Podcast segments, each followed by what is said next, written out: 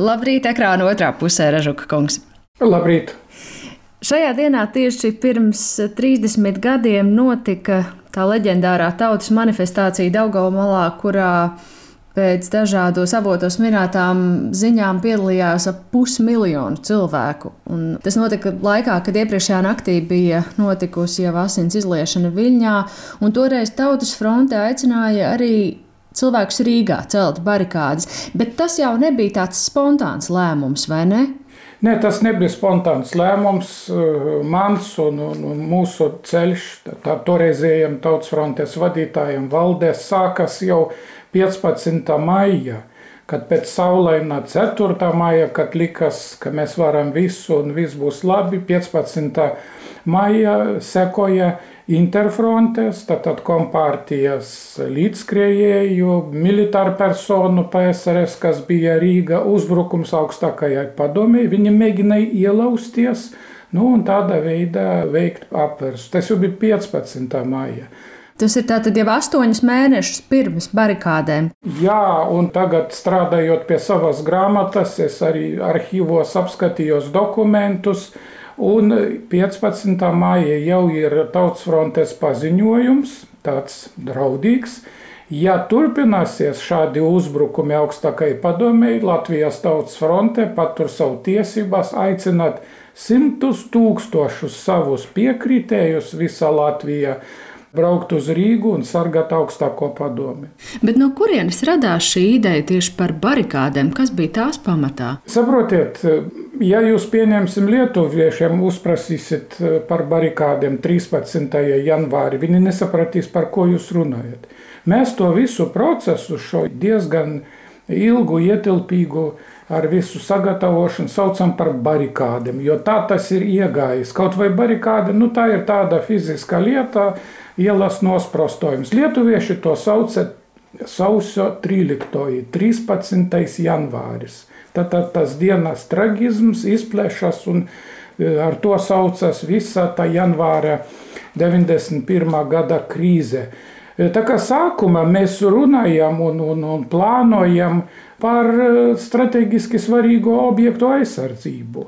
Jau novembrī mums bija slepena sapulce, pēc Strelnieku apvienības pārstāvju iniciatīvas.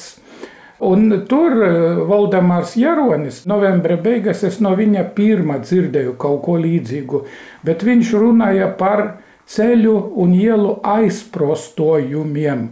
Saprotiet, viņš bija pulkvedis padomju armijas, kas saka, rezervē, un viņš no Krievu zagraždēnie To sauca par nosprostojumiem, bet toreiz nu, bija priekšlikumi kaut kur tur ceļos, pie Rīgas, spridzināt gaujas tiltu, lai viņi netiktu. Nu, nebija vēl tas mirklis, mēs stingri turējāmies, ka mums nevardarbīga pretošanas pusmiljona manifestācija un to gaidīsim. Bet mēs gatavojamies visu to karsto vasaru un tumšo rudeni. Un rezultātu jūs zināt, tie bija divi vēsturiski dokumenti, paziņojums visiem Latvijas neatkarības atbalstītājiem vai instrukcija X stundai, kur bija plāns, ko darīt. Viss bija aprakstīts pirms apvērsuma, pēc apvērsuma, bet pirms tam mēs parakstījām arī visas kaut cik svarīgas sabiedriskas un politiskas organizācijas, Vēl pirms tam decembrī parakstījām tādu paziņojumu vienoti Latvijai, kā atmetam visas pretrunas, strīdus, visu koordinē tautas frontes koordinācijas centrs galvenajā mītnē un darbojamies visi kopā, lai aizstāvētu neatkarību. Nu, lūk, tā kā tā sagatavošanās gāja visu laiku un ar šo instrukciju X stundai mēs jau sagaidījām to trauksmaino 91. gada sākumu. Un tad, kad vairs preses namā no 2. janvāra mūsu mūsējo žurnālistus, kas bija par neatkarību, vairs neielaida, skaidrs bija, ka viņi tūlīt, tūlīt nāks. 7. janvārī sākās uzbrukumi Viļņā.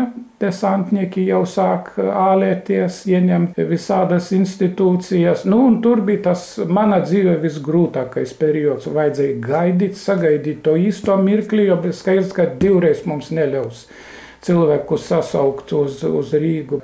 Un tad 8.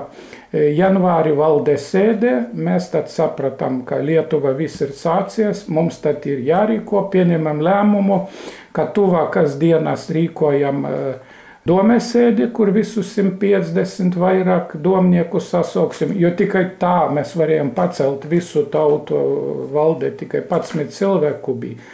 Un doma bija cilvēki no, no visiem Latvijas tautas frontes nodaļām, novadiem. Un pakluso jau sākam gatavot manifestāciju 13. No oficiāli daudz to nesakot, lai galīgo lēmumu pieņemtu dome. Un tad bija domes sēde sākam skatīt cenu pacelšanu, jo, jo bija ekonomiski traģiska situācija. Nekā nebija, bija, bija kartiņu sistēma. Cenas pacēlās trīs reizes, un akadēmiķis Kalniņš tur mums skaidro par ekonomiku, un domē saka, kurniet, kurniet, jāizbeidz, jāņem tas otrais jautājums par manifestāciju. Nu, un tad pārtraucam ekonomiku, un tad sāk jau uzreiz atklāti profesors Melkīsis, Juris Strīpnieks, Ilze Cielava, domnieki jau sāk runāt atklāti, aicināt, ka vajag aizsargāt strateģiskos objektus. Un domēs starpbrīdi bija tā vēsturiska sanāksme pie melnajiem klavieriem, kur tautas fronts valde un koordinātori sadalīja strateģiski svarīgos objektus novadu starpā. Tad pieņemsim, uz Akju sāla brauks zemgalieši un latgalē. Atbildīgā centra rajona tautas fronts nodaļa kā koordinators. Atbildīgais valdes loceklis Ainars Baškis. Un tā par katru objektu, par katru objektu. Mm. Bet sakiet, lūdzu, jums toreiz bija pārliecība, ka ar šīm barikādēm, šo smago tehniku patiešām reāli izdotos nosargāt augstāko padomi un arī citus strateģiskos objektus, ja reiz Omona nolemtu tos ieņemt? Nu, Oman neko nevarētu izdarīt. Oman neko nevarētu izdarīt. Tie bija 100, 120 cilvēku ar bruņu transportieriem, un pret tūkstošiem absolūti neko ne, nevarētu izdarīt. Ja būtu tā, ka Viļņa, kur ar tankiem, reāli ar tankiem, ne ar bruņu transportieriem, un reālas desantnieku, pleskavas desantnieku vienības gāja un pārbrauca pāri televīzijas torņā, aizstāvjiem. Protams, tad neko izdarīt nevarētu, bet saprotiet, bija milzu pārliecība, ka tas ir jādara. Bija milzu tautas grība mums, nu, tā teikt, aiz muguras, jo mēs bijām vadītāji. Mēs neprasījām atļauju ne augstākai padomē, ne ministru padomē, arī nekādas īpašas skaņošanas nebija. Un būtībā izrādījās, ka nu, armija tomēr, tomēr bija bezspēcīga. Omons jā, bet, bet viņa bija pamaz. Bet armija nebija gatava cīnīties ar civilistiem. Saprot, ne tikai tāpēc, ka viņi negribētu. Padomju armija arī nebija tāda plāna, un bez plāna neviena bruņotā vienība nevar rīkoties. Es domāju, jums barikāžu laikā bija 36. Tagad grāmatu jūs esat sarakstījis 30 gadus pēc notikušā, kad laiki jau tomēr ir ļoti mainījušies, tik daudz kas pa vidu ir noticis. Ar kādām sajūtām jūs rakstot, tināt atpakaļ to atmiņu filmu un raudzījāties uz sevi un saviem kolēģiem to laiku, kad taču nevarēja vēl zināt, kā tas viss izvērtīsies? Protams, jā, mēs bijām 30 gadnieki, tad jau ar pietiekamu dzīves pieredzi, un, un, un izpratni par to, kas notiek, bet nu, pilni ar spēkiem un enerģiju, un arī kaut kādu vēl ideālismu, ka tiešām mēs sasniegsim savus mērķus. Ne, nu es neesmu vīlies tajos cilvēkos. Es nevelku paralēlēs ar, ar to, ko viņi darīja pēc tam, vai, vai ar šīs dienas parādībām. Nē, Viņi visi, manuprāt, tiešām bija savā vietā, darīja visu, kas no viņiem bija atkarīgs, un mums izdevās izvairīties no kaut kādam lielam kļūdam. To pirmām kārtām es varu pateikt par cilvēkiem, ar kuriem es ikdienā toreiz strādāju, ar Tautas fronts valdi. Jo redziet, kas ir pirmais ešalons, tā, tā pirmā Tautas fronts paudze tika ievēlēta vai no aizgāja strādāt uz augstāko padomi. Mēs palikām, mums teica, ka jā, varbūt tautas fronte nebūs vajadzīga, tagad augstākā padome un ministru padome visu darīs. un bija ielikt milzīgs darbs, lai atjaunotu tautas fronts struktūras, jo bija atslābums. Ievēlējām augstākā padome, kāda uzvara. Augstākā padome visu izdarīs, un ievērojama daļa ievēlēto augstākā padome tā domāja.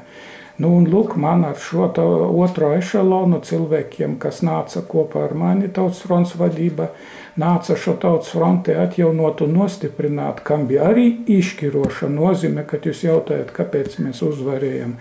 Tāpēc, ka Tautas fronte bija spēcīga, milzīga organizācija, atjaunota, kam, kam visi uzticējās.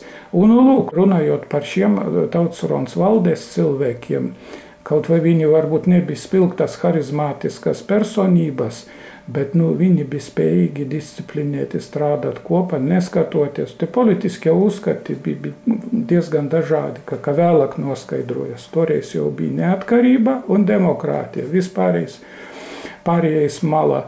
Un mums izdevās strādājot kopā, nu, nepieļaut kaut kādas fatālas kļūdas, nesāsināt konfliktu ar, ar, ar citautiešiem, kas ir Latvijā, un virzīt tas visas pilsonības vai citas idejas tālāk uz priekšu, neizraisot kaut kādu milzīgu desmitgades labojamu pēc tam konfliktu. Toreiz, 13. janvārī, pirms tieši 30 gadiem, kad arī jūs uzrunājāt to pusmiljonu cilvēku, kas bija sanākuši Daugomalā, vai jūs atceraties, ko jūs toreiz pie sevis domājāt, redzot to milzīgo cilvēku daudzumu jums priekšā? Jūs zināt, sākumā bija tāda vilšanās, jo mums bija jāstāv tribīne aiz muguras. Bija milzīga tāda uz skaidu plašu sienas, Lenina galva. Un es atnāku, es domāju, nu, tētiņ, kur mēs atnākuši, kaut ko sāku burkšķēt, vai tā nevarēja tribīni novietot kaut kur citur.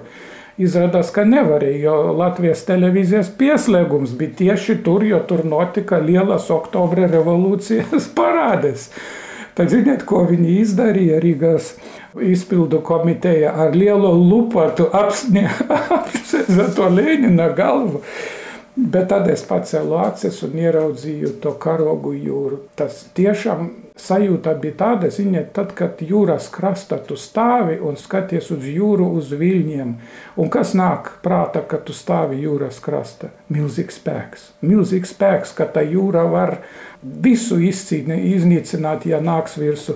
Un tā bija pirmā izjūta, ka tā ir tā kā jūra, milzīgs spēks, mēs visi esam kopā Nu, un tad nāca tā iedvesma, kā tu lido kopā ar visiem.